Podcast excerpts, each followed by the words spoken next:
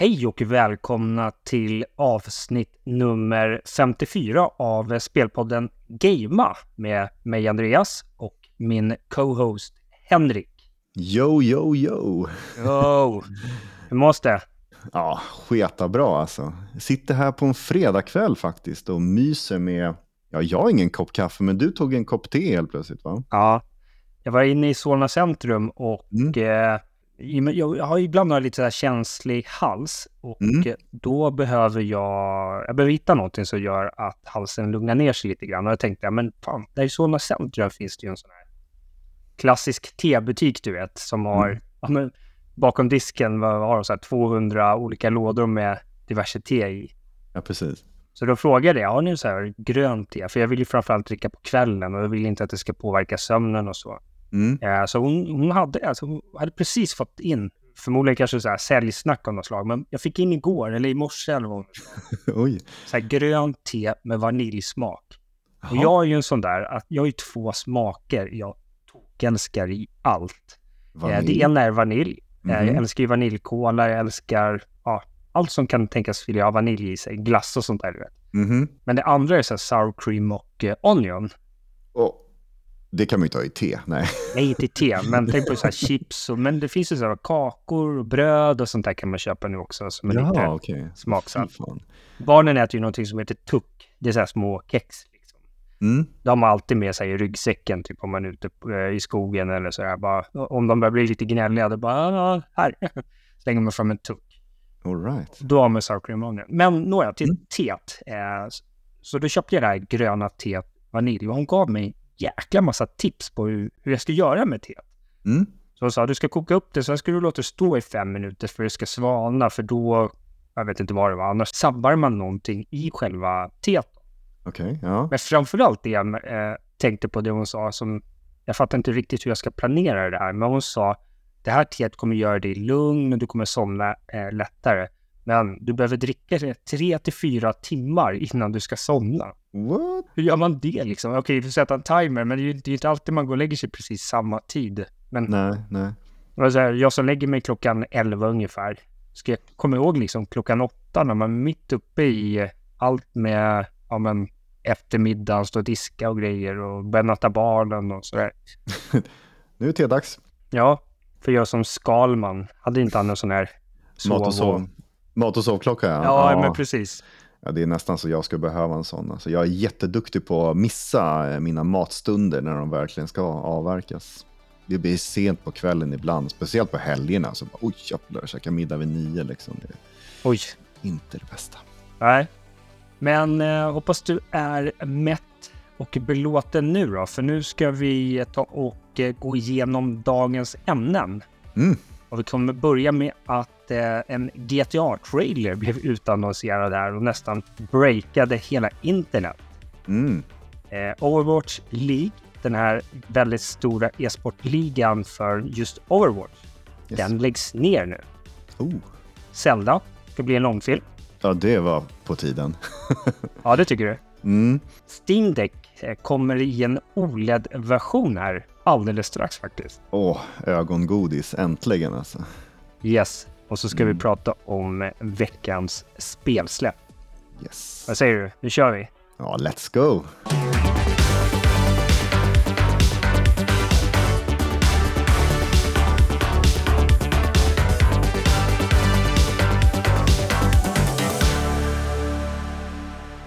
Ja, alltså den stora, stora, stora snackisen på, på nätet och i, i hela gamingvärlden var ju det här att vi äntligen, äntligen fick eh, lite mer livstecken för nästkommande GTA. Mm. Det var ju Sam Hauser, jag vet inte riktigt vad han har för titel på eh, Rockstar, men han är väl en av grundarna tillsammans med, med brorsan.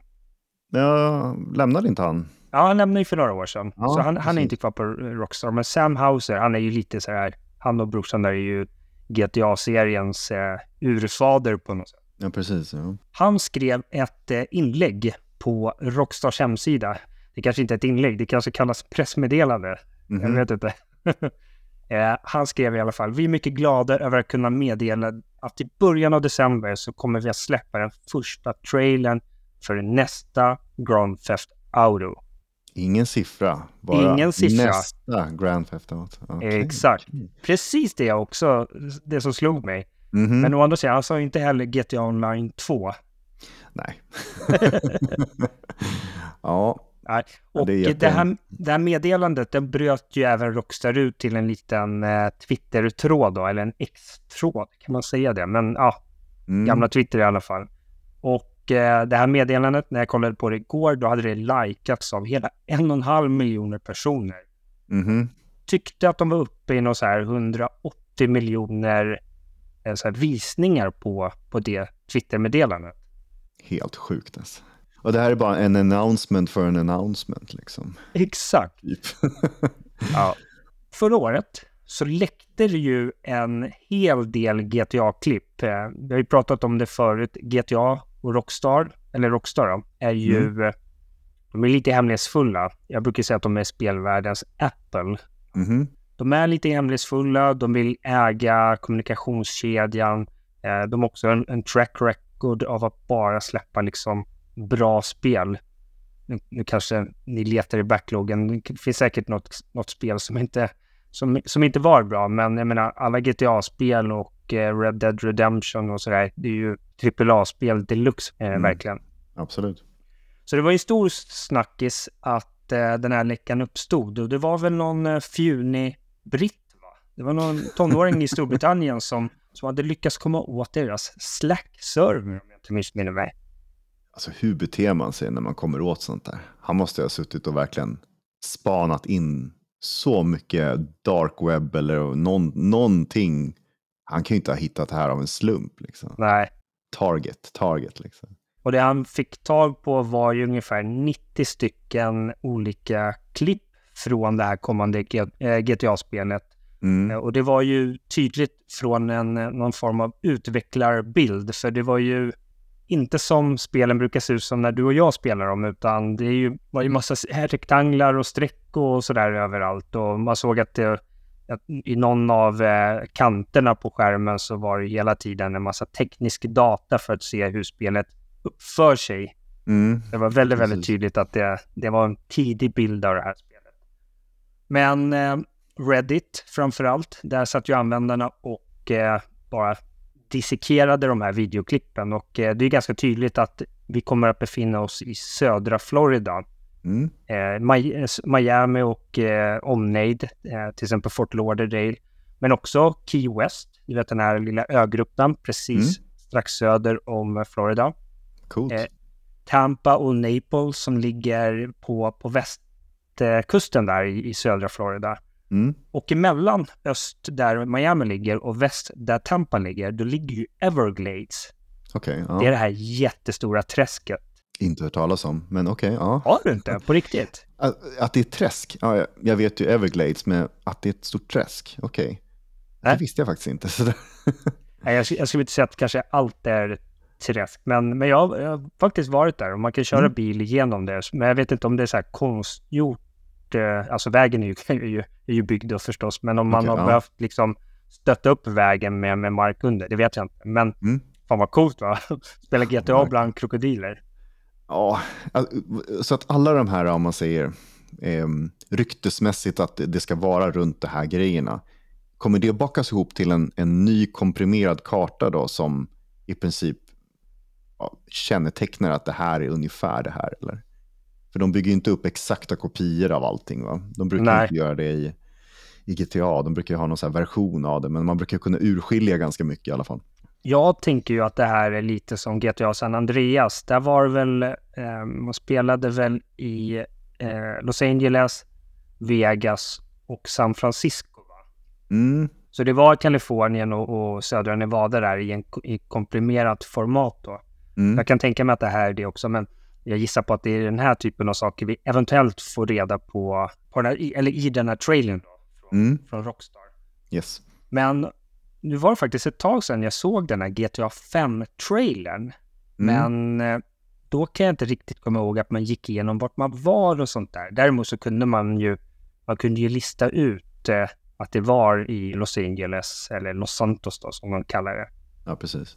Eh, så att jag undrar hur den här trailern från, från Rockstar kommer te sig rent informationsmässigt.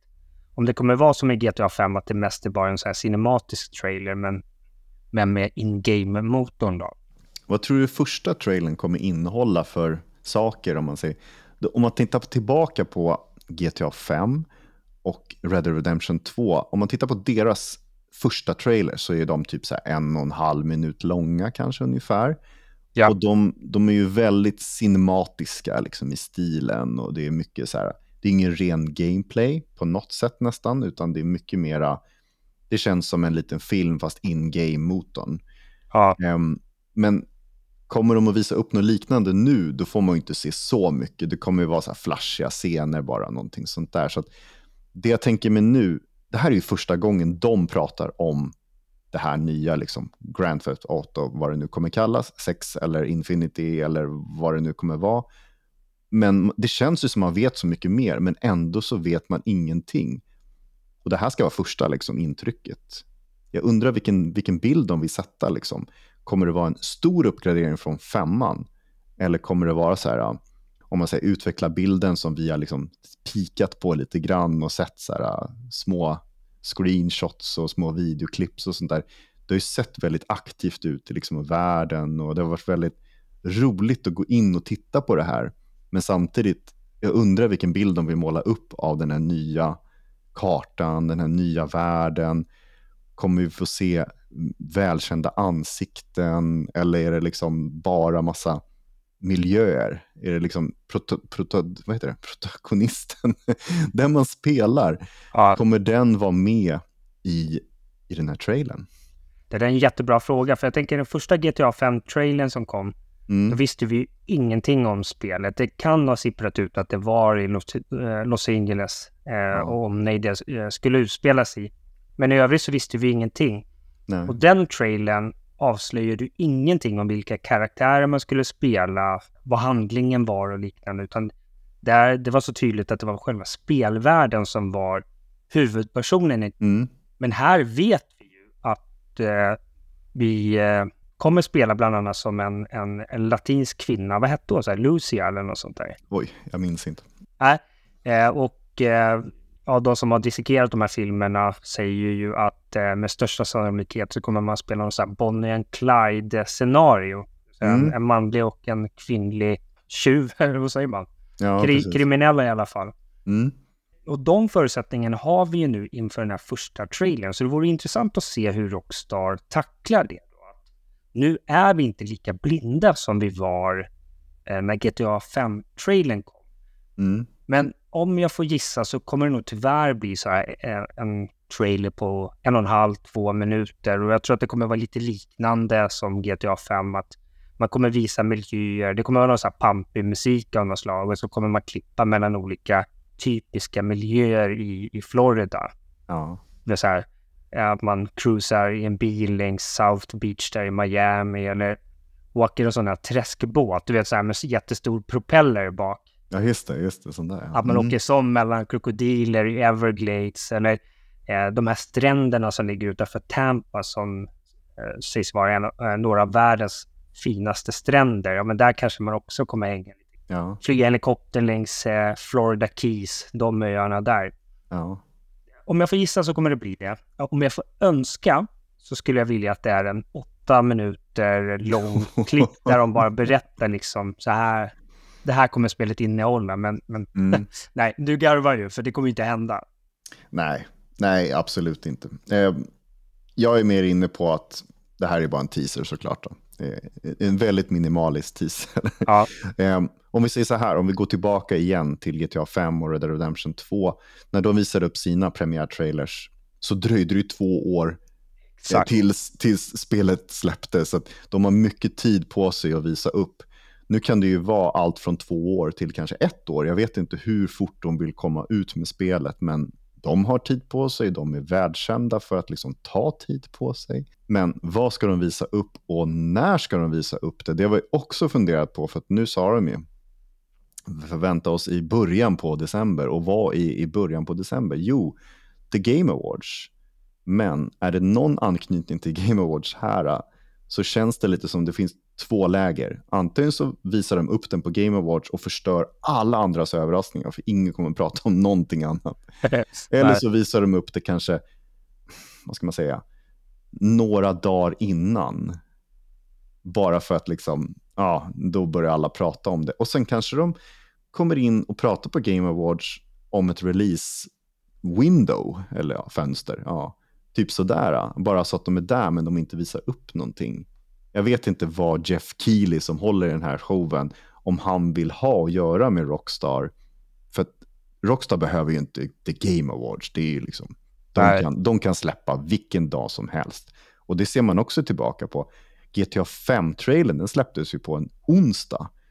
Ja. Mitt, i, mitt i veckan så. Och, och Red Dead, de släppte på en torsdag. Och nu kommer The Game Awards på en torsdag. Yep. Ja, natten till fredag. Då. Så det är så här, vad väljer de att släppa? Ska de välja på att släppa på innan då? Då kan det bli måndag, tisdag, onsdag eller något sånt där. För det är taskigt att släppa på torsdag när Game Awards är.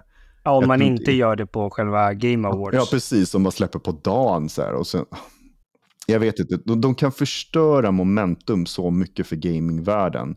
För det finns så mycket att vinna på att visa upp sig på The Game Awards. Men samtidigt, jag vill inte att de ska ta allting. Jag vill inte, de ska vara en vecka ifrån på något sätt. Jag vill det. Men samtidigt, det är Rockstar. De gör precis vad de vill. ja, jag tror det. Om jag får sätta mig i uh, Jeff Keelys situation så mm. skulle jag nog jättegärna ha det med på eventet. Mm. Och sen kunna ringa ett par extra samtal till eh, diverse sponsorer bara. Men bara så att ni vet, eh, vi kommer att visa den här trailern.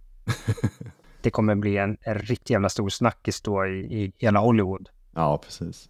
Vad, eh, vad tror du händer med GTA Online här? Jag satt och funderade under dagen. GTA Online lever ju sitt egna lilla liv. Den, den byggs ju på GTA 5-motorn. Mm. Och jag menar, folk har ju spelat GTA Online i 10 12 år nu och investerat eh, tusentals, kanske tiotusentals. Precis. Och säg att GTA 6, som vi förmodligen kommer få veta mer om, men ja, som du är inne på, de sa inte det själv, utan de sa nästa, nästa spel i Grand Theft Auto-serien. Mm. Men den lär ju med största sannolikhet ha en, en, en online-del. Eh, Tror att de kommer plocka nuvarande GTA Online in i det? Eller kommer det att eh, bli en omstart? Ja, alltså det är jättesvårt Det blir ju en ny spelvärld, eller hur? Ja, jo exakt. Det, det, om man tittar, GTA 5 online, det är ju det är byggt på en, en gammal spelmotor som är, man säger, det är tio år sedan det kom. Det, det, ska de ta det med upp, då måste de typ remastera saker eller remakea massa saker som de redan har utvecklat. Och, och funkar det, visst, då kan de ju slänga med det, men ska man verkligen bara klippa av och hoppa in i det nya? Vad får man med sig? Man måste ju få ett något här kompensationspaket bara för att man är lojal och har spelat i så många år ja. eller något sånt. Det ska bli kul att se hur de trans, ja, liksom transformerar det. Ja. ja, men precis. För över massa människor till nya online-läge. För det kommer ju såklart vara eh, nybörjarstadie där också. Det är, det är som femmans online-läge var. Det var ju skit i början. Det var ju mycket mindre. Det var ju bara de här um, heistsen, de kom ju mycket, mycket senare. Just det. Så jag hoppas att de har jobbat på att få med innehåll, precis som Red Dead Online var också fattigt på innehåll i början. Jag vill inte ha den situationen igen. Jag vill liksom att allting ska vara där, inte allting, men mycket ska vara där, grunden och att man ska kunna leva i världen. För annars bara stå och dricka en cola-burk liksom och gå till affären och prata med folk. Nej, man vill ju ha aktiviteter att göra. Man vill ha de här äh, massa innehåll som de har byggt upp innan. Och sen vet jag inte hur mycket, men folk kommer ju kräva lite, annars så blir det sån här ravaskri och folk bara, ah, det är skit och vi går tillbaka till gamla online och sånt där. Ja. Men vi får se, det är jätteintressant hur de lägger upp det här. Men nu, den här trailern som vi får nu, den kommer inte prata någonting om online. Det är bara single player-läget, troligtvis, som kommer att presenteras, om man säger. Antagligen. Mm. Nej, men det är bara att skriva in i kalendrarna här framöver. I början av december Yes. Och de gissar på att det är typ på Twitter de kommer säga lite, lite närmare. När det, eller så kommer trailern bara en dag på typ, eh, Twitter och på, på YouTube. Mm. Ja, apropå um, Game Awards. på måndag när vi släpper podden här så kommer det. också ut de här sex nomineringarna till eh, Game of the Year. Jag är fascinerad om de får ner det här till sex. Alltså det, är, det är så många de måste klippa bort. Alltså. Vilka blir de som faller bort? Ja, vi får se. Vi har spekulerat lite i Discord kanske, men eh, det känns som att eh, det finns många åsikter här. Då. Och vem faller bort? Ja, det kommer vara många som blir sura tror jag. Okej, okay. vi kör ett litet bett du och jag här. Mm -hmm. Du säger tre spel och jag säger tre spel och så den som får flest, eh, flest spel med, med bland de här nomineringarna vinner. Mm -hmm. Du får börja. Ska jag börja? Ja. Men jag får, får jag lätt liksom. Okej. Okay. Ja, Baldur's Gate 3. Eh, Zelda. Jaha, väl, förlåt. Jag tänkte att vi kör varannan. Men vad fan, okej. Okay. Ja, ja. ja, men vi är inne på samma. Du säger Baldur's Gate 3, jag säger Zelda. Mm -hmm. um, jag säger Spiderman 2. Uh, Mario Wonder. Fan, två från Nintendo, okej. Okay. Alan Wake 2. Och då hamnar jag i sitsen här med... För du har sagt tre spel nu, eller? Mm så då, om jag tänker lite högt, Hogwarts Legacy, mm. Diablo, Starfield, eh, Lies of P. Missar jag några? Ja. Fasiken, det står helt still. Eh, kan ju ta, ja. ja jag, jag säger Lives of P oavsett. Lives of P, okej. Okay, ja. ja. men det är skitbra alternativ. Det är lite så här, alla gillar det, men är det en sån kandidat? Ja, det kanske blir en sån här indie-hit på något sätt. Ja, de hade ju med Stray för något år sedan, ja, bland nomineringarna. Ja, det, det, är tråkigt att behöva klippa bort liksom så här. alla de här som man tänker är, alla kan vinna. Men man måste ju klippa bort här, Starfield och sånt. På grund av vissa saker. Alltså det är, det är alltid små grejer som faller bort. Men att de här stora spelen, liksom, jag förstår inte hur det här året är. Det är så sjukt egentligen. Men då tog vi alltså inte med Diablo 4, vi tog inte med mm. Starfield, vi tog inte med Hogwarts, eh, inte Star Wars, Jedi Survivor. Survivor. Nej, precis. Vad hade vi nog mer? Vad var det mer? Oh, nu så här, man sitter och bara glömmer saker eller? Skull oh. Island. Skull Modern Warfare 3. Um, ehm, nej, um, nej, men vi nöjer oss med det. det är... Ja, jag tror det. Ja. Jag vill se vem som har mest rätt där, men mm -hmm. som sagt på måndag kommer nomineringarna, det vill säga samma dag som, som där avsnittet släpps. Då. Yes. Vi pratade i förra avsnittet väldigt länge kring att Bungie eh, sparkar lite folk och jag, lyssnade om det där avsnittet. Ibland, jag lyssnar inte, i och med att jag redigerar podcasten så lyssnar jag väldigt sällan mm. en gång till på podden. Så jag är så, jag är så jäkla trött på våra röster efter att jag har redigerat. Men det, det som slog mig då var att shit, vi började med något riktigt tråkigt och dassigt ämne, även om det var väldigt intressant, eh, intressant information och vart eh, spelvärlden befinner sig i, så kände jag någonstans bara, men ja, hur, hur uppmuntrande är det? Ja. Och lite på samma tema kände jag, men jag, i och med att det här ligger mig väldigt varmt om hjärtat så kunde jag inte skippa det här. Eh, och det är det här att Overwatch League eh, stänger ner nu. Mm. Det här är en liga som startade 2018 det var ett väldigt annorlunda upplägg kontra ja, men de, alla andra stora e-sportturneringar som finns.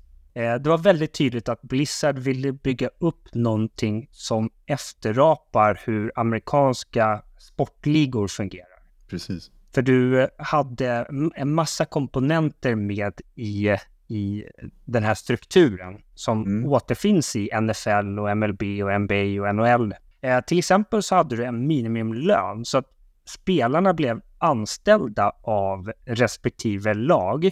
Mm. Eh, och du hade en, en minimumlön på 55 000 eh, dollar. Sen hade du så här, du fick en så här sjukvårdsförsäkring, eh, eh, du fick eh, gratis tandvård och du fick även så här pensionsavsättningar. Så man märkte att ja, men vi satsar väldigt mycket liksom på spelarnas välmående på något sätt. Jag menar, det kanske är ett klassiskt e-sportlag gör också, men jag tror inte att det liksom ligger riktigt top of mind när Get Right skriver ett nytt eh, avtal med ett Counter-Strike-lag. Mm. Eh, och Blizzard, de tvingade också i de här avtalen med lagen att eh, 50% av vinstpengarna, 50 eh, eller mer, de skulle betalas ut som bonusar till spelarna. Så det var ingenting lagen skulle få behålla själva. Sen det som var lite speciellt, det var att man placerade de här lagen eh, geografiskt. Så istället för att heta så här Ninjas in Pyjamas och Fnatic och vad nu alla andra e-sportlag heter, så knöp man de här lagen till eh, riktiga städer. Och eh, jag vet i början så spelade man ju bara i den här Blizzard-studion i Burbank, tror jag, eh, utanför Los Angeles. Mm. Men allt eftersom så gick de här turneringarna mer och mer att vara online, vilket gjorde att lagen också spelade i de här städerna. Så då, då hade vi elva lag från USA, eh, tre från Kina, två från Kanada, två från Sydkorea och ett lag från Storbritannien. Då. Så de hette ju så här San Francisco Shock och Dallas Fuel, och London Spitfire och Shanghai Dragons och ja, sådär liksom. Alltså det var väldigt tydligt att det här laget skulle tillhöra den här staden då. Mm.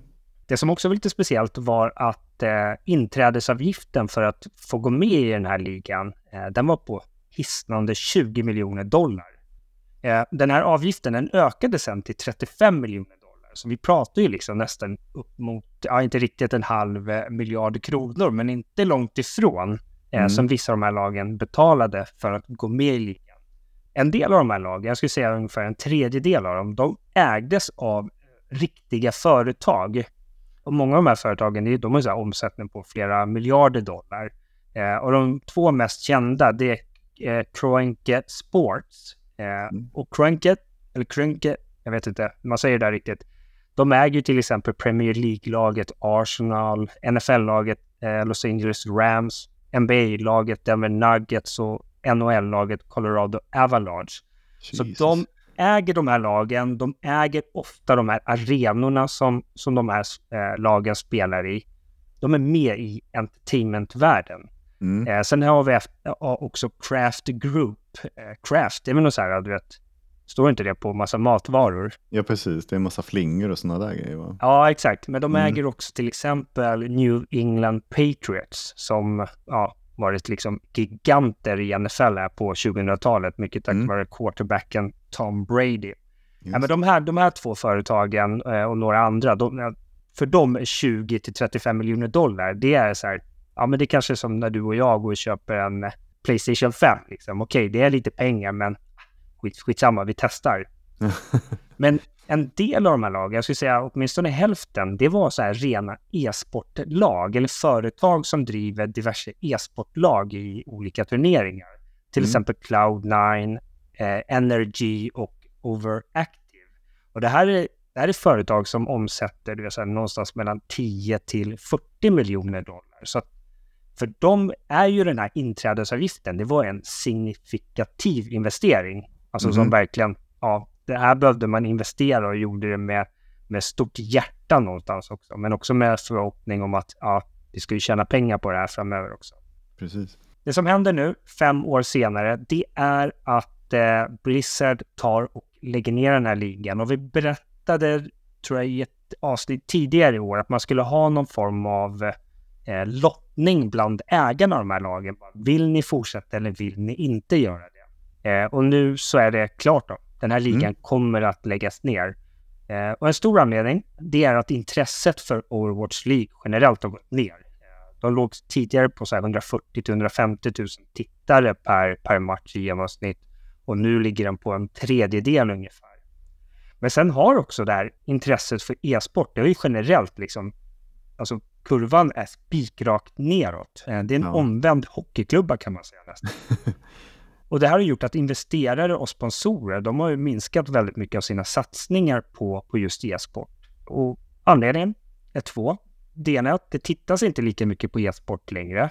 Men det, de evenemang som det tittas på genererar ändå inte tillräckligt mycket intresse, så man får inte... Vet du vad ROI är för någonting? Ingen aning. Nej. Return on investment. Okay. Mm. Så man får inte ut någonting av pengarna man lägger på att sponsra sådana här stora eh, turneringar. Så det har gjort liksom att alla börjar liksom så här, ja, bara det här med e-sport, ja, det, det, det, det är ju väldigt stort fortfarande, men det här med att liksom företag eh, och sponsorer bara liksom slänger pengar på e-sport. Det är inte samma värld längre. Nej. Eh, och sen en annan väldigt stor och viktig komponent är ju att spelet Overwatch som hela ligan kretsades kring. Eh, det var väldigt hypat när ligan annonserades där 2016, 2017 och startade 2018. men intresse för eh, Overwatch gick ju stadigt neråt och nu när Overwatch 2 kom och ersatte Overwatch, det, kom, det var ju väldigt, vad säger man, mixed reviews kan man väl säga. Ja, minst sagt. Lite, lite politiskt sådär. Mm -hmm. Och då försvann intresset ännu mer. Och det som händer nu, det är att alla de här lagen, de fick ju lotta eh, och eh, det innebar att, eh, eller lotta, man fick rösta. Varför säger jag lotta för? Ja, det lät kul. ja, det, det lät lite mer spännande. Man fick rösta, det var ju det man fick göra. Mm. Eh, och eh, då röstade man, men vi lägger ner ligan och då hade Blizzard vikt 6 miljoner dollar till varje lag i cancellation fee som man alltså betalar tillbaka. Då. Det var ju schysst ändå. Jag brann ju väldigt mycket för det här när det började. Jag gillar ju amerikansk sport. Jag har sagt det flera gånger. Jag följer bland annat MLB. Eh, just MLB följer jag ganska slaviskt, men NFL mm. och NHL semi-intresserad av det. Jag gillar på något sätt ekonomin kring det. Och jag var väldigt spänd liksom när det här började. Att, ja, men hur, hur funkar det här konceptet i e-sportvärlden? För det där är ju verkligen... Jag skulle säga att det här är den största satsningen någonsin på e-sport. Jag hade, jag hade hört om något annat liksom initiativ som, som har haft de här pengarna. Nej. Alltså, om, om man tänker så här, trodde du att du skulle hålla så pass länge som du gjorde ändå? Nej, och jag har pratat om det här flera gånger. Jag tycker e-sport är lite... För mig har det varit kejsarens nya kläder. Väldigt många i gamingvärlden säger att e-sport, oh, this the shit, det kommer ta över och det är så populärt, det drar in så mycket pengar och jag är ju hela tiden så här, ja men är det inte lite ett luftslott ändå? För mm. ta till exempel Premier League och allsvenskan också för den delen här i, här i Sverige då. Där bekostas ju sporten i sig och löner och att man bygger nya arenor och så vidare. Det bekostas ju i slutändan av oss som eh, tittar på sporterna. Mm. Vi går och köper eh, matchbiljetter. Eh, vi köper dyra tv-paket, vi köper matchtröjor, vi köper ja, en annan massa merch, eller korv och popcorn och läsk så på arenorna. Liksom, vi skickar in pengar i sporten.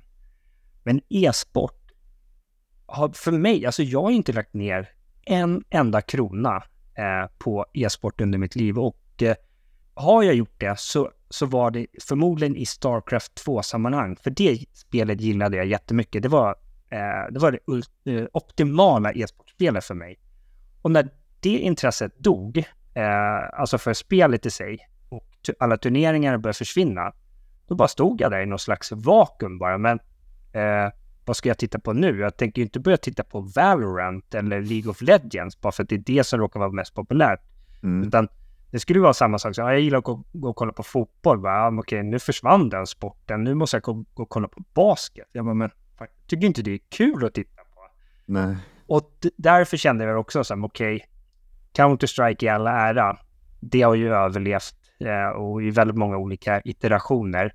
Men Overwatch, nej, jag kände ju direkt, det, är inte samma magi där. Och du och jag och vår kompis Michelle, vi var väl på O'Learys där på premiären. Precis, vi fick massa merch och allting. Så att vi fick saker, vi behövde inte köpa någonting. Nej. Så satt vi och tittade och vi var deltagare om man säger på, på, på, på publiksätet. Just det. Men jag fattade ingenting och det är nog det som är stora grejen. Det är så lätt att hänga med i många sporter.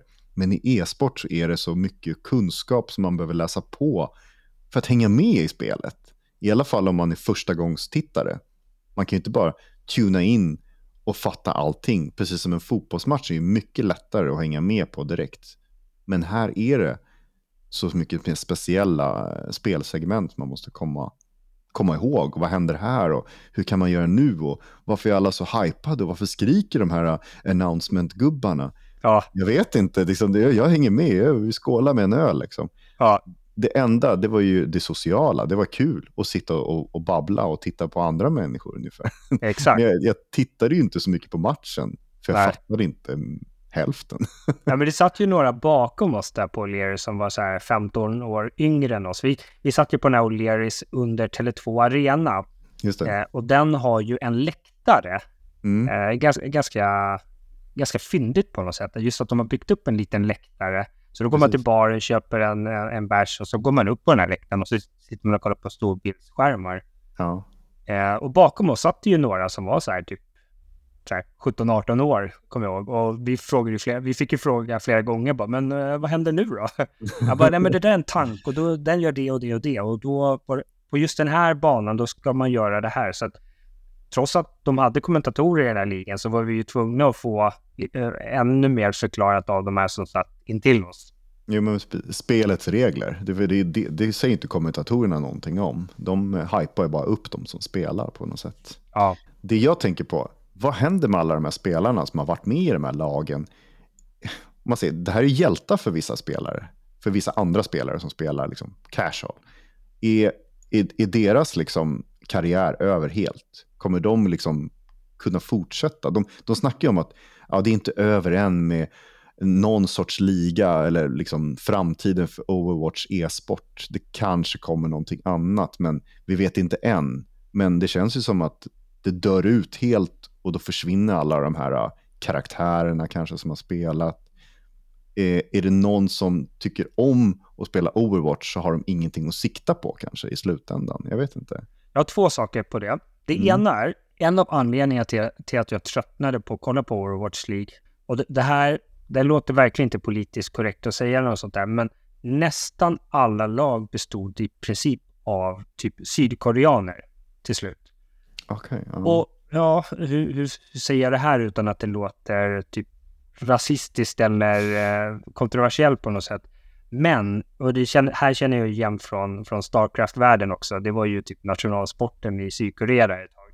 Mm. Det gör att eh, de är väldigt lågmälda, de är väldigt blyga, de pratar inte engelska intervjuer och så vidare.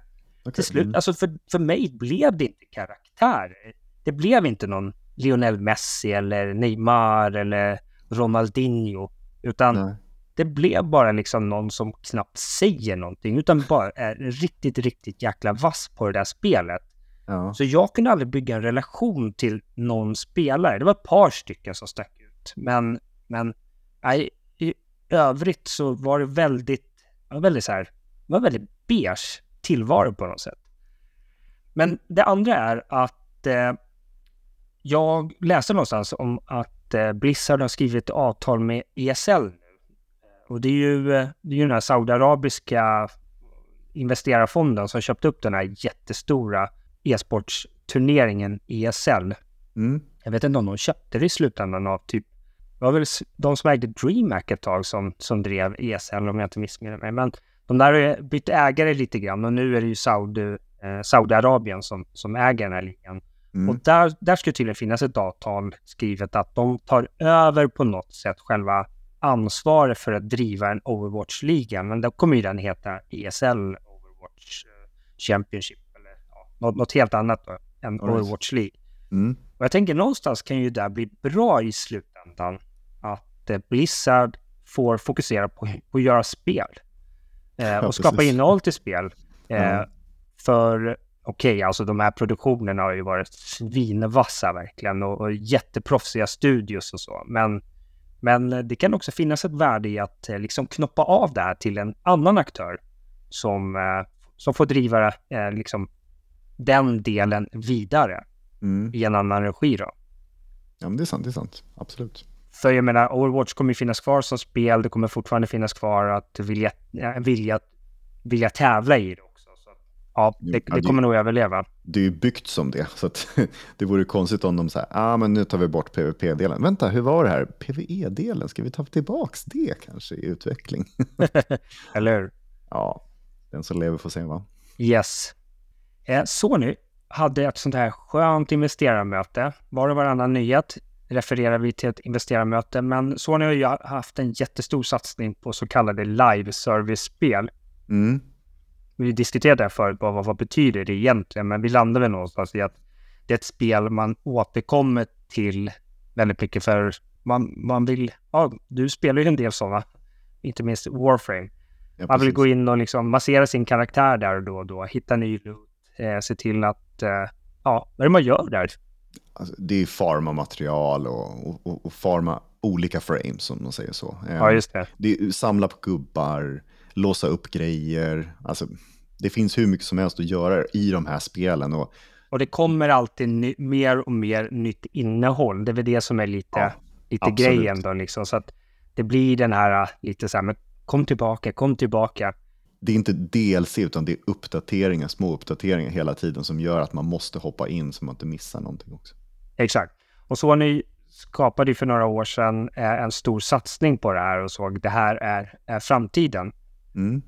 Men eh, så ser det ju inte riktigt ut nu några år senare, utan nu är det ju... Alltså vi, vi pratade ju till exempel Bungie förra veckan och en av anledningarna var ju att eh, Destiny, vad låg de på? 45 procent av försäljningsmålet.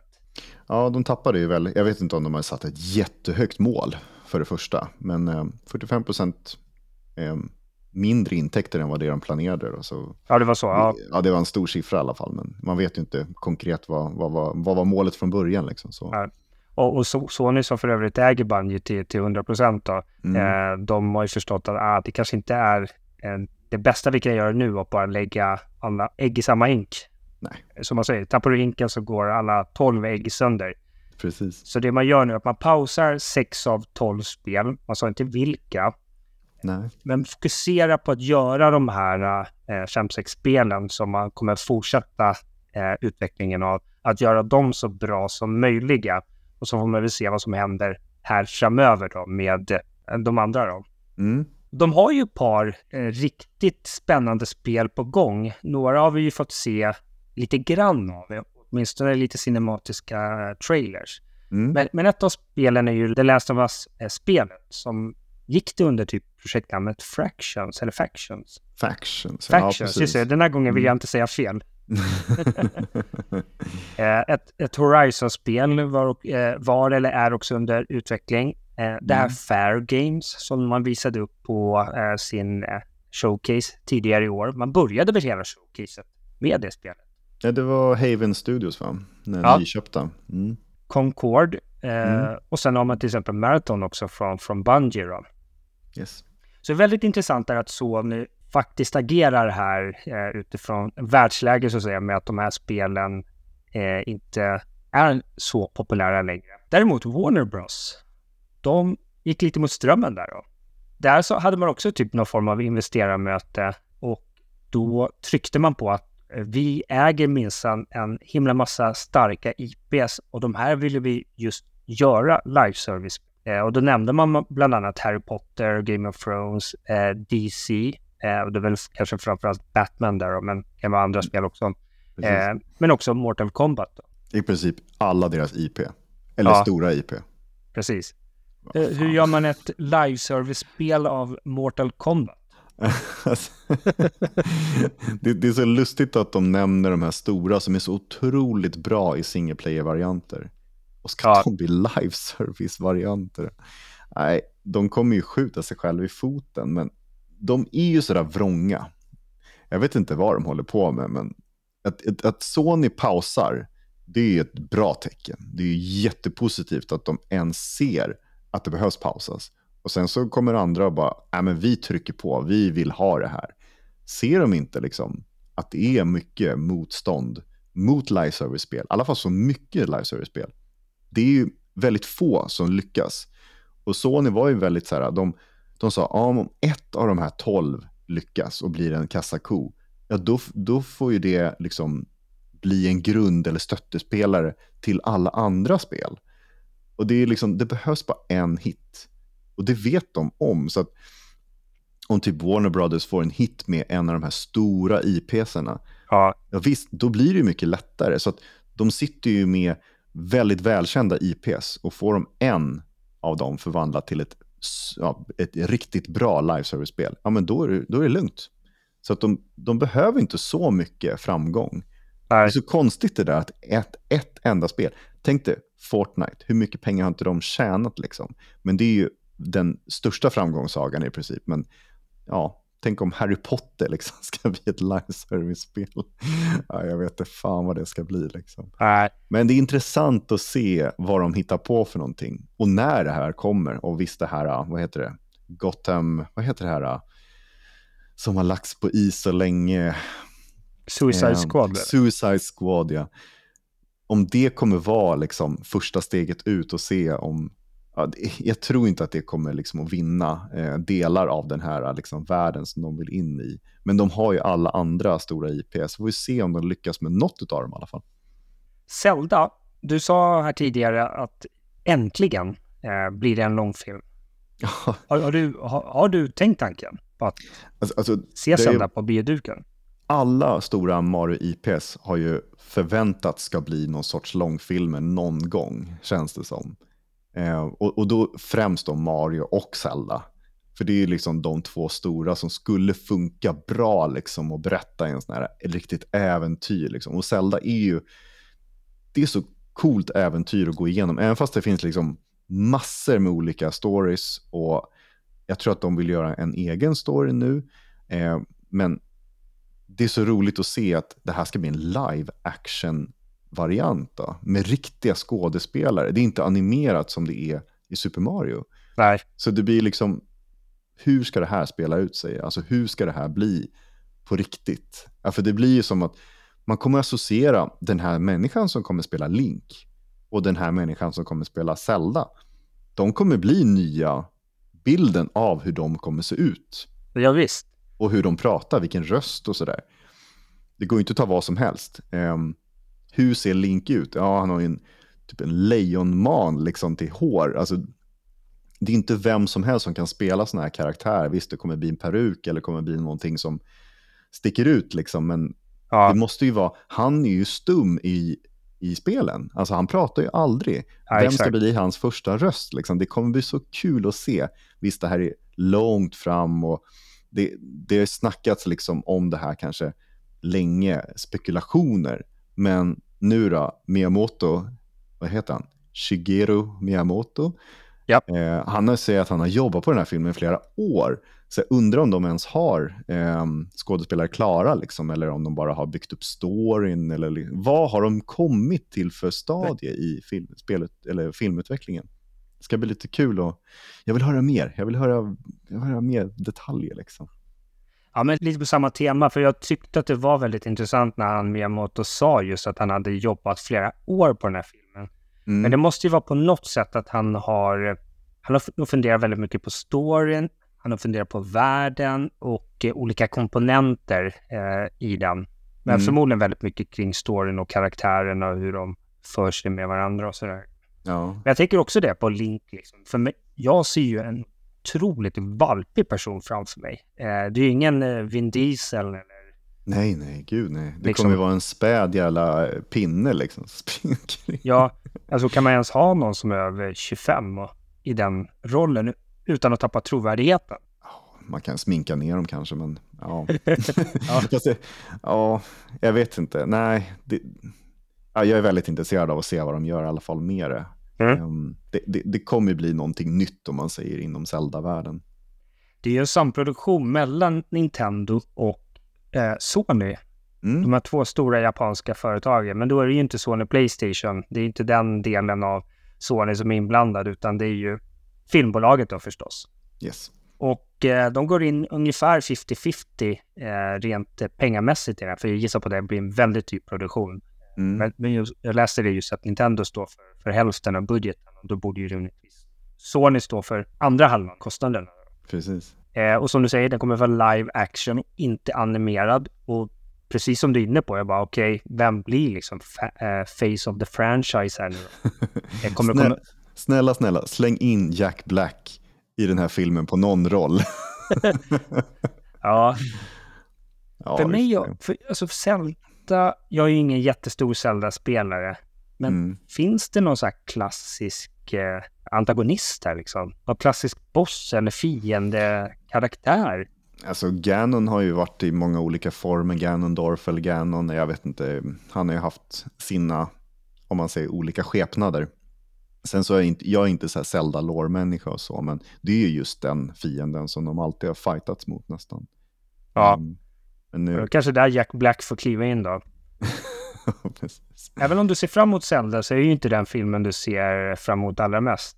Nej, gud nej. I, i spelsammanhang, utan det är Borderlands-filmen va? Ja, riktigt sugen faktiskt på.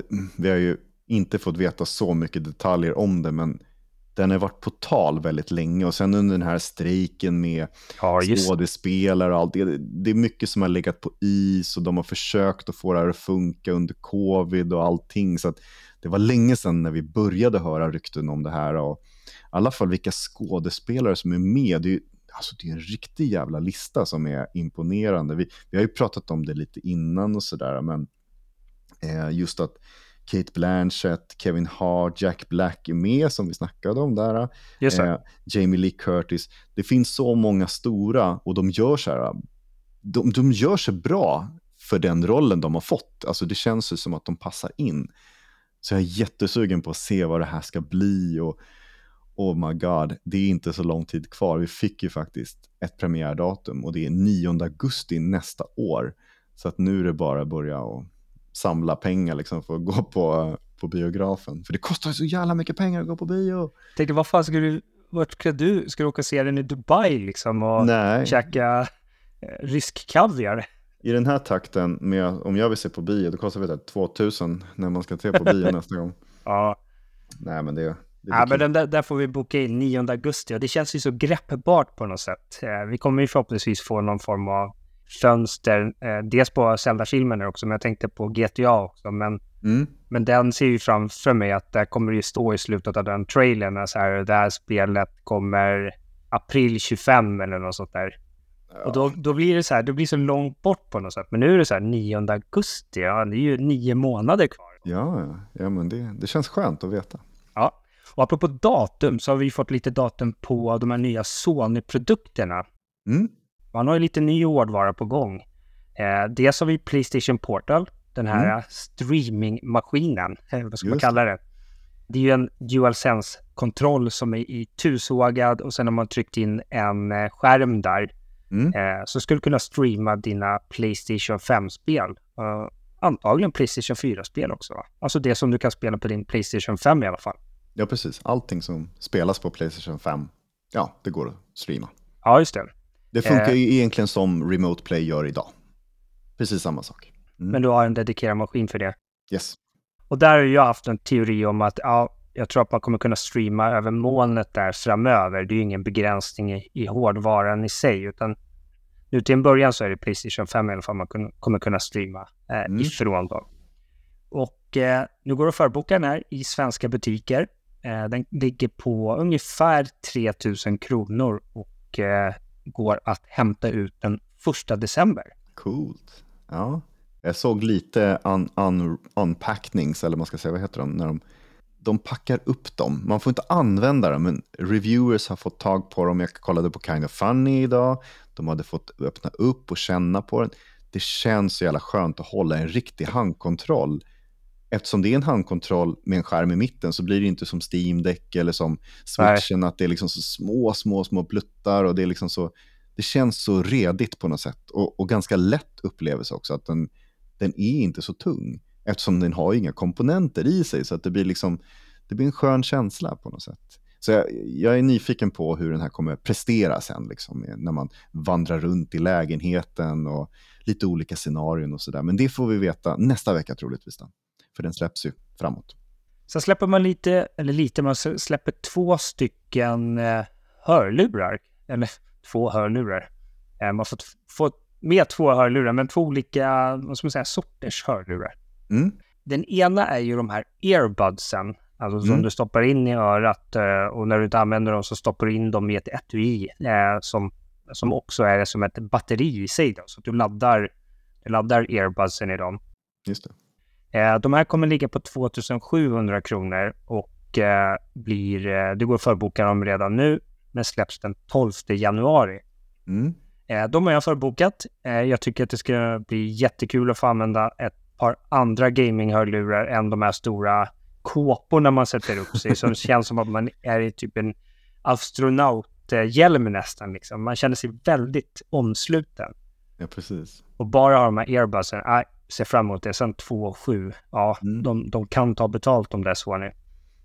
Eh, sen kommer ju Playstation Pulse Elite Headset och då är det mer, ja men det jag var inne på förut, att du har kåpor som du sätter, sätter över mm. eh, öronen då och på huvudet då. Eh, de kommer kosta 1800 kronor och släpps den 21 februari. Mm. Ja, det är lång, långt fram på de vissa datum här tycker jag. Ja. Är, är det Sverige som är så jävla efter då? Jag vet inte.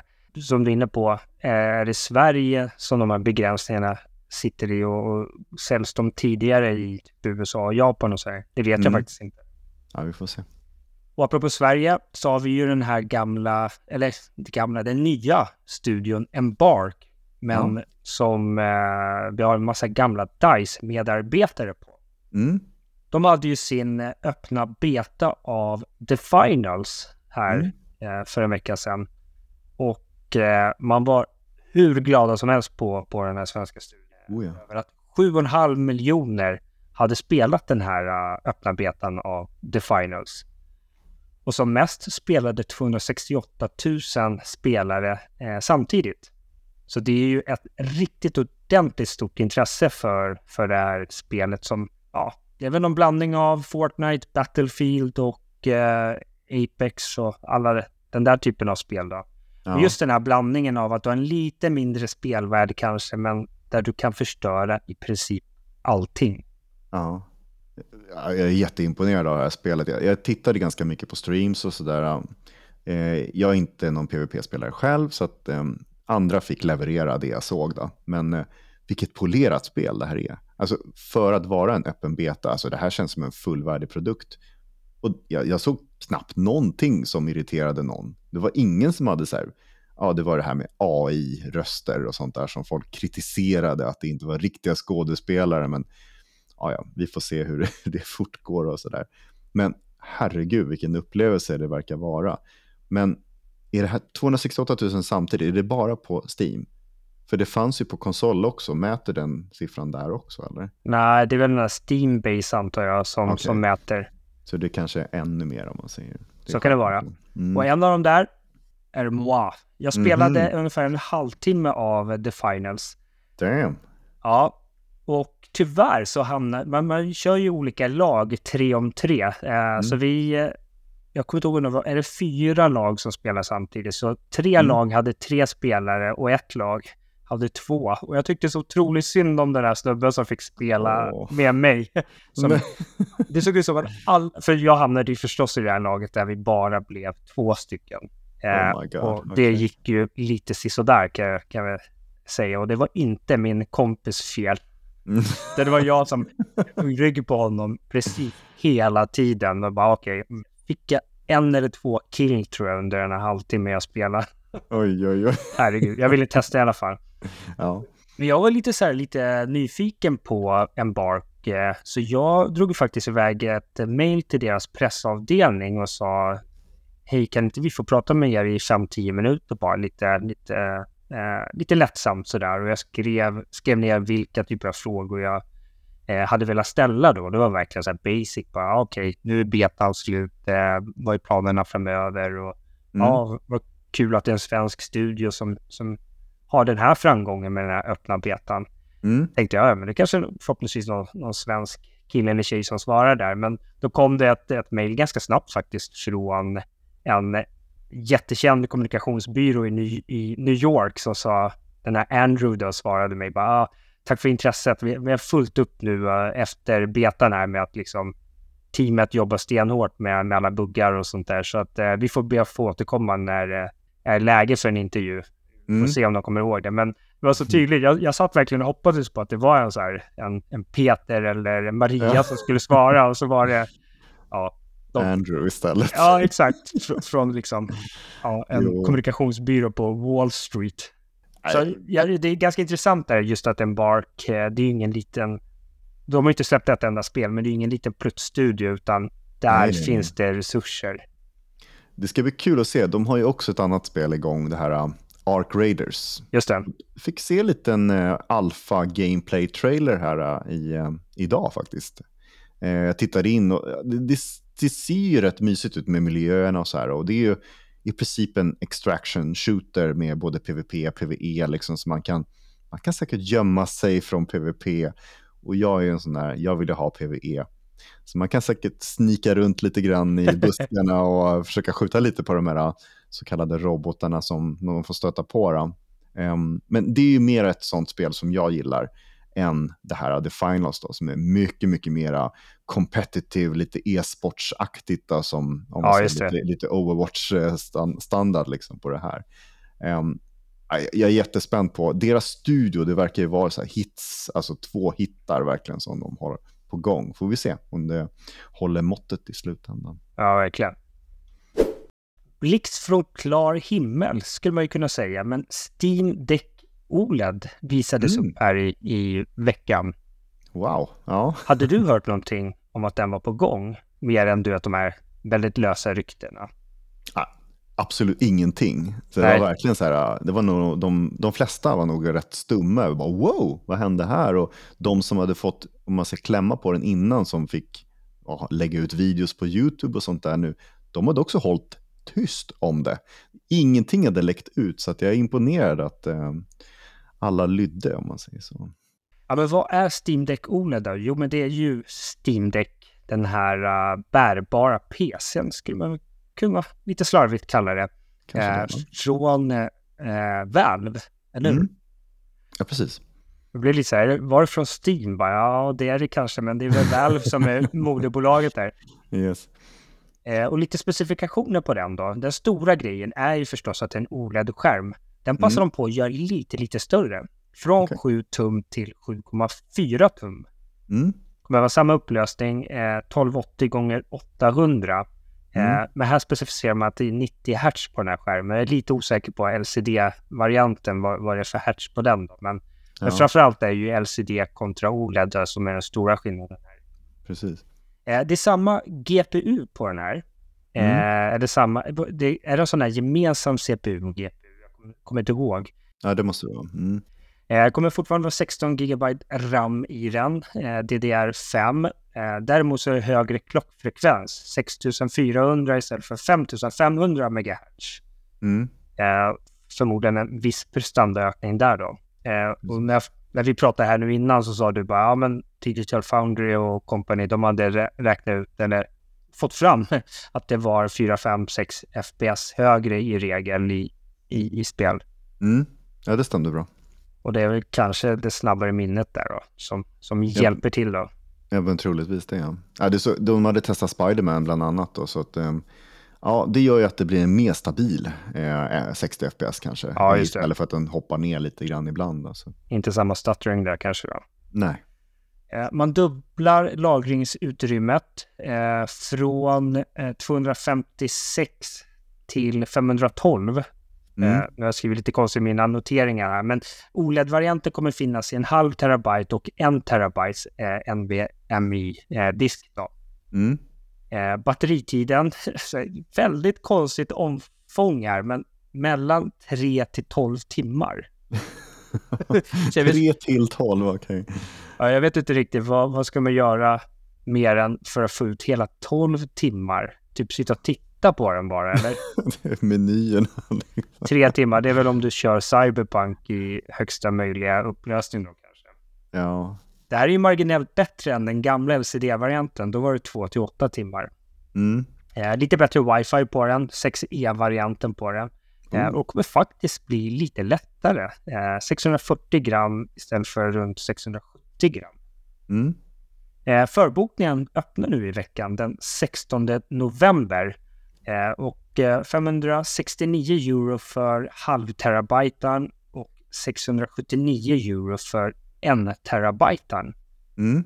Och är man helt okej okay med att köpa Steam Deck med LCD-skärmen så eh, har de prissänkt de gamla versionerna eh, och kommer försöka sälja ut det där så fort som möjligt. Och för att få, få en boost på försäljningen så har man ju sänkt de priserna. Då. Mm. Fan vad nice.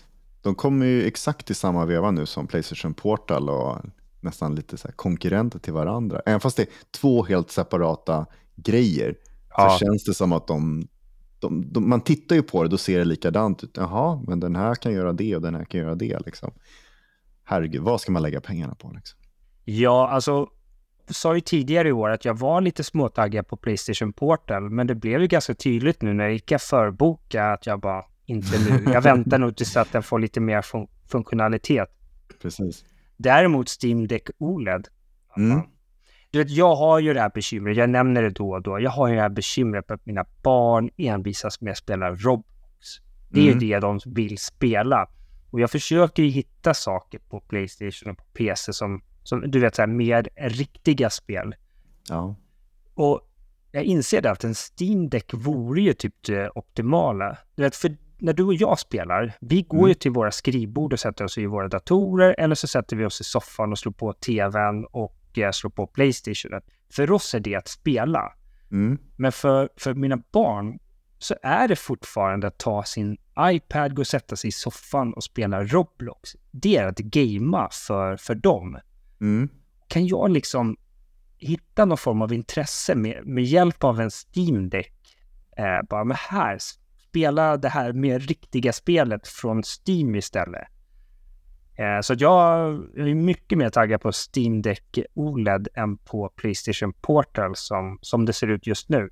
Ja. Och framförallt vill jag ju komma åt mitt väldigt stora Steam-bibliotek. Just det, ja, det är där det sitter också en, ja. skattkista liksom för dig. En skattkista och sen alla de här billiga spelen.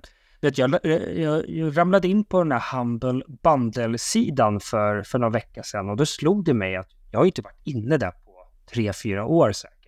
Mm.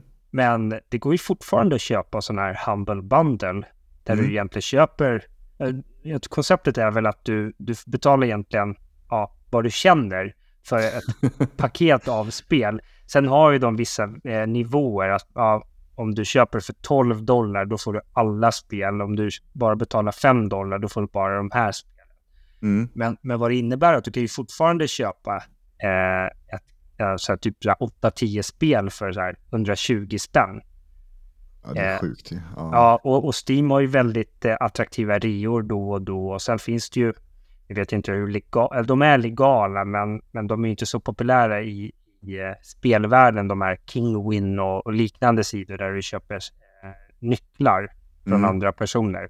Just det. Så att det går ju att köpa spel till Steam Deck, eh, mm. det vill säga till Steam, mycket billigare än, än vad det gör till, till Playstation. Vad, vad tycker du om om man säger Steam Deck eh, tekniskt sett, behöver man vara avancerad i kunskap för att kunna få saker att rulla? Är det en liten barriär som man måste komma förbi? Det är inte bara, det är inte som en Playstation eller som en Switch Nej. eller en iPad. Alltså, det är lite så här, äh, saker som man måste tackla för att kanske komma in i den paradiset om man säger. jag har ju aldrig använt en Steam, så jag vet, eller en Steam Deck, så jag vet inte hur gränssnittet ser ut. Men jag kommer ihåg när de för jättemånga år sedan släppte den här Big Screen Mode. Kommer du ihåg det? Nej. Man släppte ju ett läge på Steam som eh, där du egentligen navigerade runt på Steam fast med en handkontroll. Jaha, okej. Okay. Så det var ju så att du skulle koppla din dator till tvn och istället för att sitta med mus och tangentbord framför tvn så skulle du sitta med din konsol. Så då kunde mm. du slå på någon form av big screen mode och då ändrades ju gränssnittet utifrån ja, mm. det här ska vara navigerbart med hjälp av en handkontroll. Och jag tror att de eh, prioriterade visa spel som spelades med handkontroll och inte så mycket så Civilization eller andra liksom, strategispel där mus och tangentbord är, är det du spelar spelet med. Så jag kan tänka mig att Steam Deck har ju någon, antagligen någon form av gränssnitt som är anpassat för mm. Steam Deck och eh, spel som är eh, kompatibla med Steam Deck. Mm. Så jag skulle säga, alltså rent spontant så ja, det är, det är klart att det är säkert krång, krångligare än vad en Nintendo Switch är. Men jag tror inte det är lika krångligt som att köpa en ny gaming-PC, konfigurera Windows och eh, ladda ner Steam och logga in där. Mm. Det tror jag Steam Deck är mycket lättare på. Stationär dator så att säga. Ja. Men ja, vi får se. 16 november. Eh, jag har inte förbokat. Jag funderar om det här kan vara en julklapp till familjen. Oh, familjen. Ja, jag kan ju skylla, du alltså. kan skylla på det. Ja. Game Pass. Eh, när Starfield släpptes, eller mm. precis inför Starfield skulle släppas, då tog man ju bort den här kampanjperioden som man har haft alltså i, sen urminnes tider där man kunde köpa jag vet inte om det var att man kunde i omgångar kunde köpa typ en månad för en krona eller något sånt där. Men det, de... Ja, en, en dollar var det i alla fall. Var det en dollar? Okej. Okay. En dollar, ja precis. Runt, runt 10 spänn då. Mm. Men då tog man bort det inför Starfield eh, och sa att nu har vi inte det här längre. Och man var ju rädd då för att folk skulle hoppa på den här testperioden och sen spela klart Starfield och sen säga upp det. Ja. Men det, känslan var ju någonstans att okej, okay, då kommer det här vara så här för gott då. Men mm. nej, eh, Starfield är släppt, Forza Motorsport är släppta. Eh, de här stora spelen från, eh, från Microsoft och Xbox då. Och nu har väl folk liksom spelat det och sådär. Då lägger man tillbaka den här funktionen då, eller kampanjen då med att ja, nu kan ni få testa två veckor igen här för 10 kronor. Mm. Ja, det är lite, ja, man vet ju hur de tänker liksom. Det är klart att de passade på och bara, ja, vi måste tänka över den här metoden. Vi återkommer med den, ja, men precis när spelen kommer. Det, alltså, det var ju så typiskt på något sätt. Men ja. jag, jag signade upp mig på Game Pass och sen när jag sa upp mig, då fick jag tillbaka alla pengarna det är så här, de är ju generösa när man är första gångs användare. Ja. Då fick man tillbaka 100 spänn. Alltså, det är jättekonstigt, det var precis som att jag inte hade använt det. Så att nu kunde jag gå in och starta den här två perioden för 10 spänn. Va? Igen. Kunde jag vet du inte. Ja, det... Jag var helt hundra på att det var för nya spelare bara. Ja, tydligen så kan man det. Du får se upp det och få tillbaka dina 10 kronor sen. Ja, men ungefär. Du har visst ja, hittat ett loophole där. Ja, det är verkligen så här. Det känns ju som att man har hört om så Xbox loopholes hela tiden med Game Pass, att man ska konvertera och hålla på och köpa i Brasilien och så Game ja, det, det har varit mycket så här, om man säger gömda siffror, liksom. har de verkligen 100 miljoner liksom betalande kunder? Nej, de, alla köper för sådana här eh, jättebilliga priser. Liksom. Ja, exakt. Det ska bli kul att se hur det är sen framöver när, när de riktiga siffrorna kommer ut. Då. Det, det de gör också, Xbox, här med, med Game Pass, det är att de förenklar lite grann nu när du börjar spela ett spel som är på väg att lämna Game Pass så kommer du nu få en, en varning som säger, bara så att du vet, det här spelet eh, försvinner på, på den här tjänsten. Ja, jag kommer inte ihåg. Två, två veckor va? Det var två veckor, ja ah, okej. Okay. Mm det de också gör där då, på, jag tror att det är upp till spel till spel att göra det, eller spelutgivare egentligen. Mm. Eh, men det man passar på att göra då är att säga, du vet ju att du kan köpa den här i Xbox Store också. Mm. Inte sällan så slänger man med en, en eh, rabatt där också. Mm. Så jag såg några exempel där, så här, ja, men de här kommer försvinna, men du kan köpa dem om du vill och, och du får 20-25 rabatt på det om du köper det nu då. Mm. Ja, det är nice. Ja, men det är bra. Det, det, det är väldigt snyggt att göra det tydligt och eh, eh, jag tänkte på det nu när du sa att du fick tillbaka pengarna. För första gången jag sa upp Game Pass, jag har ju haft det omgången och jag har det nu också, men första gången mm. jag sa upp det fick jag också tillbaka pengarna. Jag bara kände så här, what? Jag har ju haft ja. det i så här, ett år och nu säger jag upp det, så får jag tillbaka senaste månaden. Mm, ja, precis. Ja, ja, de, jag har sagt det förut, eh, Microsoft och Xbox, de försöker vara the good guys kanske i alltså, gamingvärlden. De är mycket snällare än Playstation om man tänker på den fronten i alla fall. Ja. Den här veckan får vi eh, en del spel, inga mm. kanske kioskvältare, ett par stycken i alla fall. Mm. Eh, först ut, den 14 november, då kommer den sista versionen av Hogwarts Legacy ut. Den har ju kommit till lite olika plattformar. Yes. Kom den inte först till PC och Next Gen. Sen kom den lite senare till Last Gen. Just det. Och nu så kommer den till Nintendo Switch. Ooh. Och jag har ju förstått det som att du har ju gått och köpt en Nintendo Switch här nu och, och för att spela Hogwarts Legacy där, eller Ja, det är klart. Jag vill ju ligga i sängen och spela Hogwarts. Ja, nej. Jag tittar på den här trailern, alltså gameplay-trailern. Alltså jag tycker att det ser helt okej ut för att vara, om man ser på den nivån. Ja. Det, det, ser ut som det rullar på rätt bra. Det är lite så här den omöjliga porten som The Witcher 3 var förut.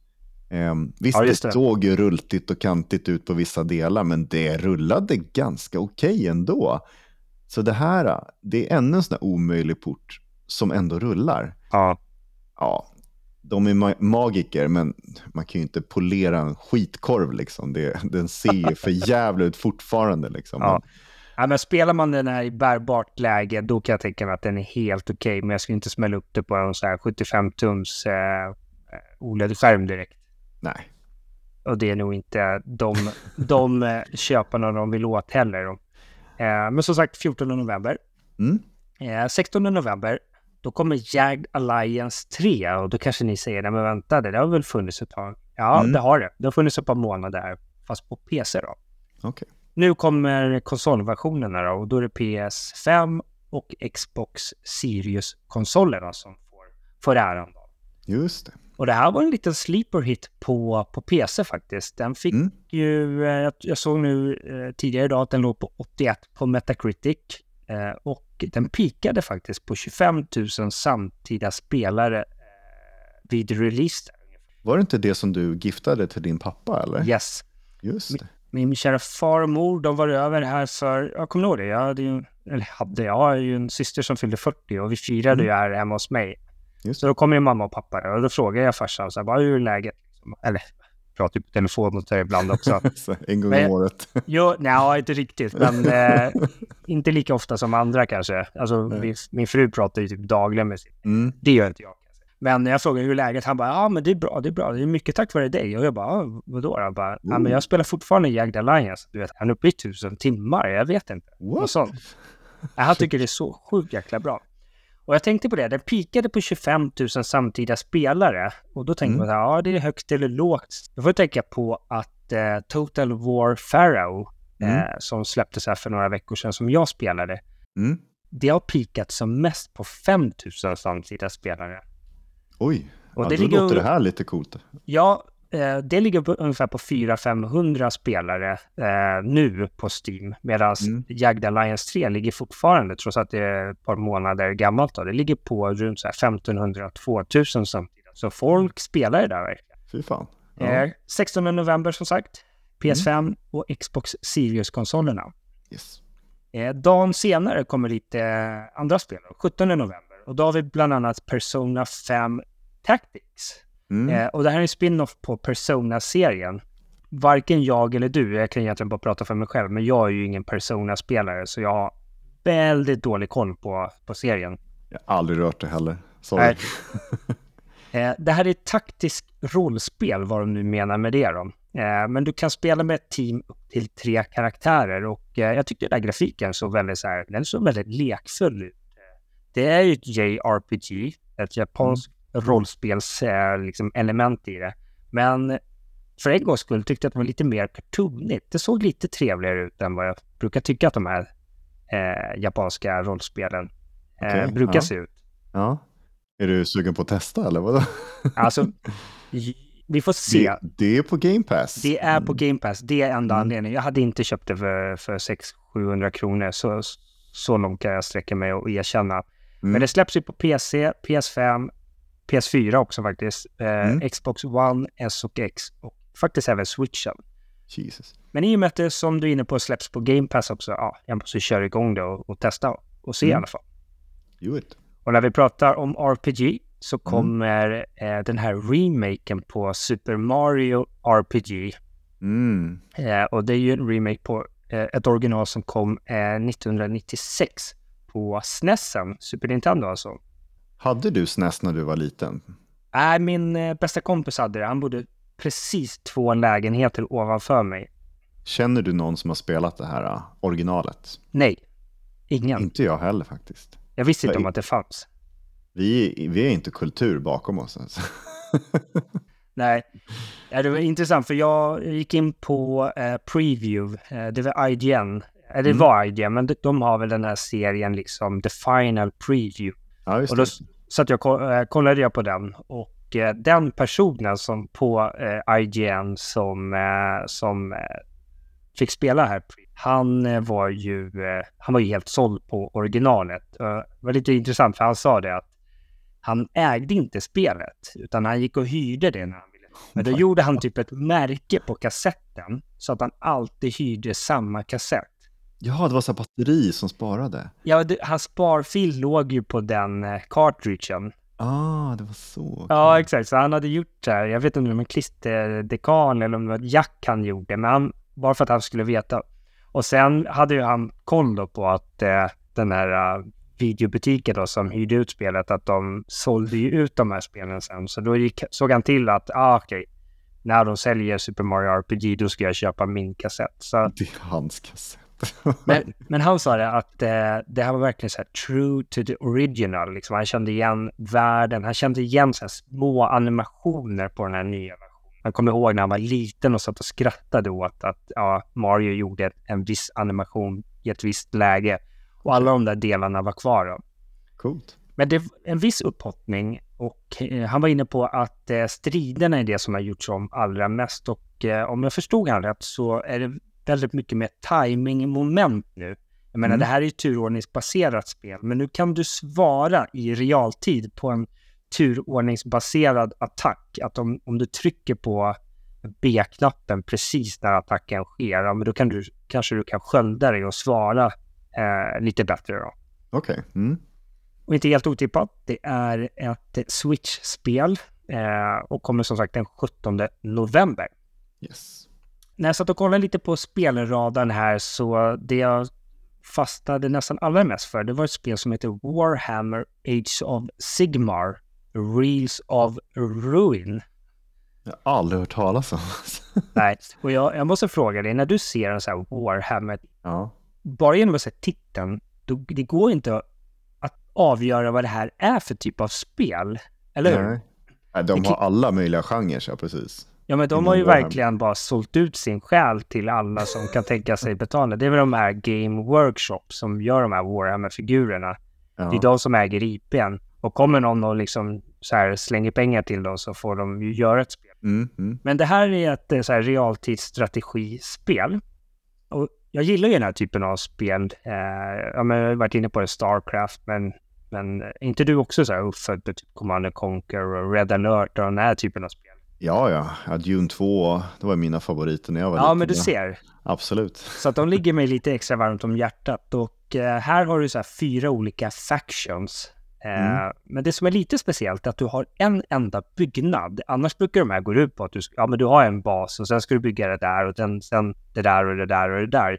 Mm. För att kunna uppgradera och så vidare. Men du har bara en enda byggnad och de heter Realm, eller Realm, hur säger man? Realm? Realm, Realm Gates. Realm Gates, ja.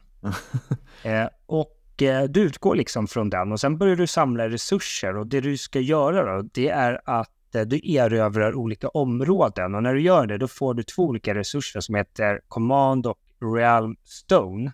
Mm. Och med hjälp av de här resurserna kan du sedan köpa nya och eh, uppgradera din enhet. Så det är en stor skillnad. Och det här passar inte riktigt mig, för när jag kör Starcraft och, och liknande spel, då har jag alltid utgått från en ganska så här stabilt försvar.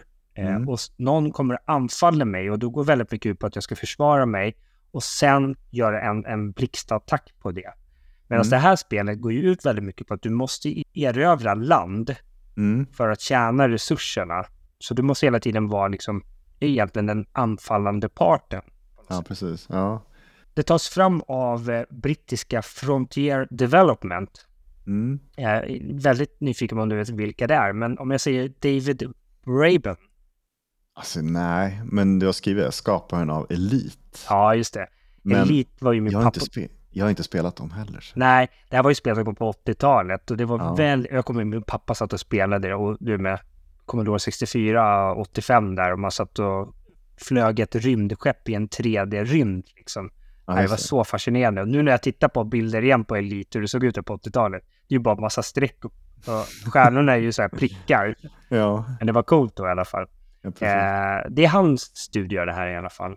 Mm. Eh, och de har tidigare gjort spel som Planet Coaster, Rollercoaster Tycoon och eh, ja, även alla de här Elite-spelen som har kommit därefter. Då, typ Elite mm. Dangerous och så, eh, sådär. Eh, det här spelet släpps den 17 november, kommer till PC, Xbox Series S och X och Playstation 5. Mm. det är mm. lite intressant att de har cross-platform multiplayer. Och jag kan ju säga som så att skulle jag spela på Playstation 5, då skulle inte jag vilja möta en PC-spelare. Nej, inte Eller Nej, men det måste man ju kunna välja bort. Så här. PC, de är, de är master race. Liksom. Det är så här, hej då. Den här typen av spel, liksom, när man bara sitter och man räknar så här klick per minut liksom. Jo, ja exakt. Sen är det några små spel som jag snappar upp. Vi brukar inte nämna alla spel som släpps eh, en vecka, men däremot så bland annat kom Turok 3, en remaster. Mm. Och det här är ett Nintendo 64-spel som kom så sent som år 2000. Sjukt. Ja. Och om inte jag kommer ihåg fel så det här måste ju verkligen varit på eh, sluttampen av Nintendo 64. Eller hur? Ja, det, må, ja, det måste var inte det GameCube? Fanns inte det? Jag kommer inte ihåg när de där släpptes liksom. Nej, Men det är ju ett FPS-spel där det är eh, sjukt populärt verkligen. Men det kommer mm. som en remaster nu då. Coolt. Men eh, ett spel som jag verkligen liksom eh, bara reagerade på när jag såg i, på spelradarna, det var Flashback 2. Ooh. Vet du vad Flashback 1 var för spel? Jag har en aning, men det känns som att du måste påminna mig.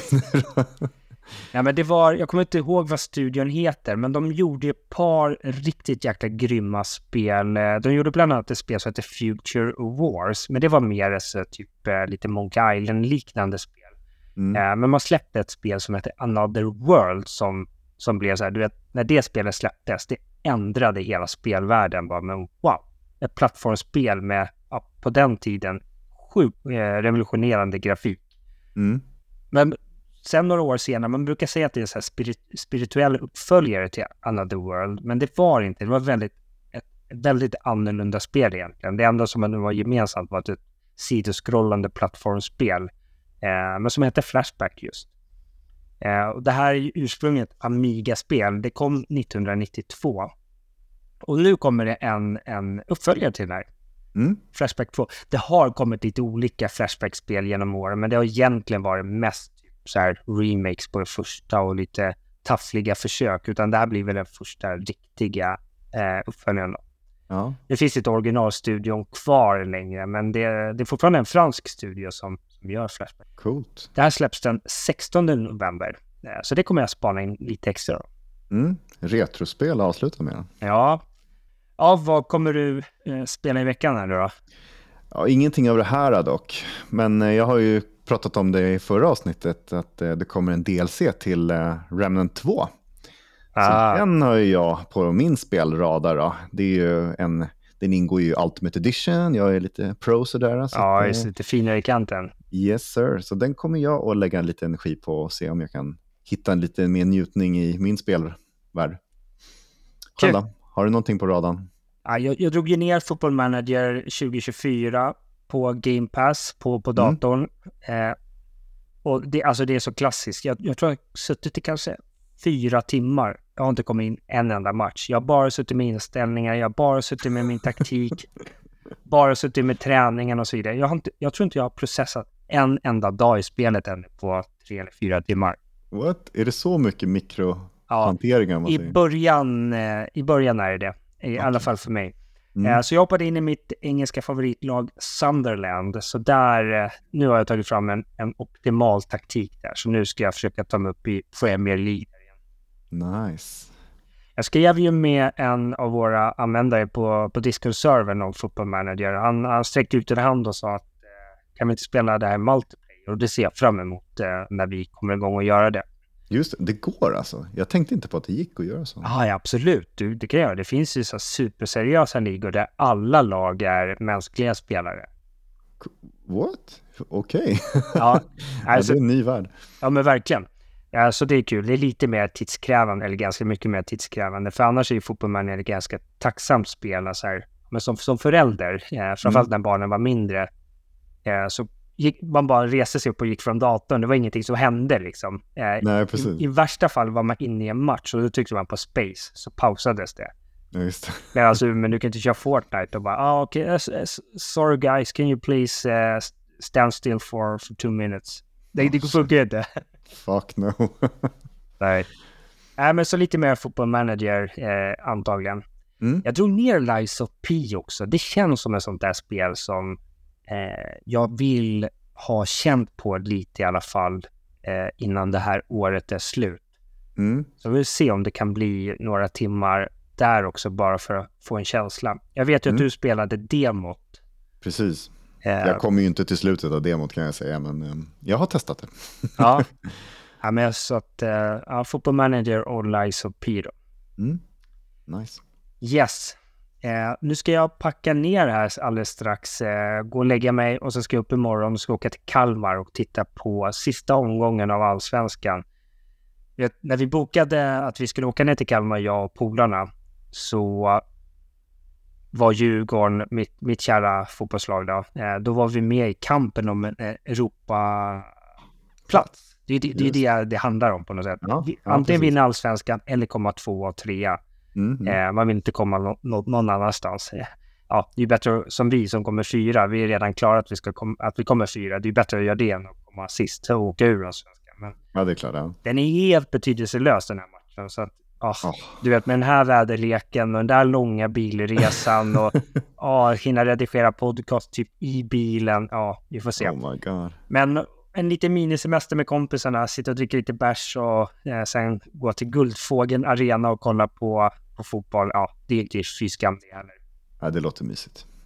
Tack så jättemycket för att ni lyssnade på det här avsnittet. Eh, nästa avsnitt kommer måndag den 20 november och mm. eh, vill ni komma i kontakt med oss? Ja, jag skulle säga att allra, allra enklast det är att joina vår Discord-server eh, och länk till den, den hittar ni i show notes.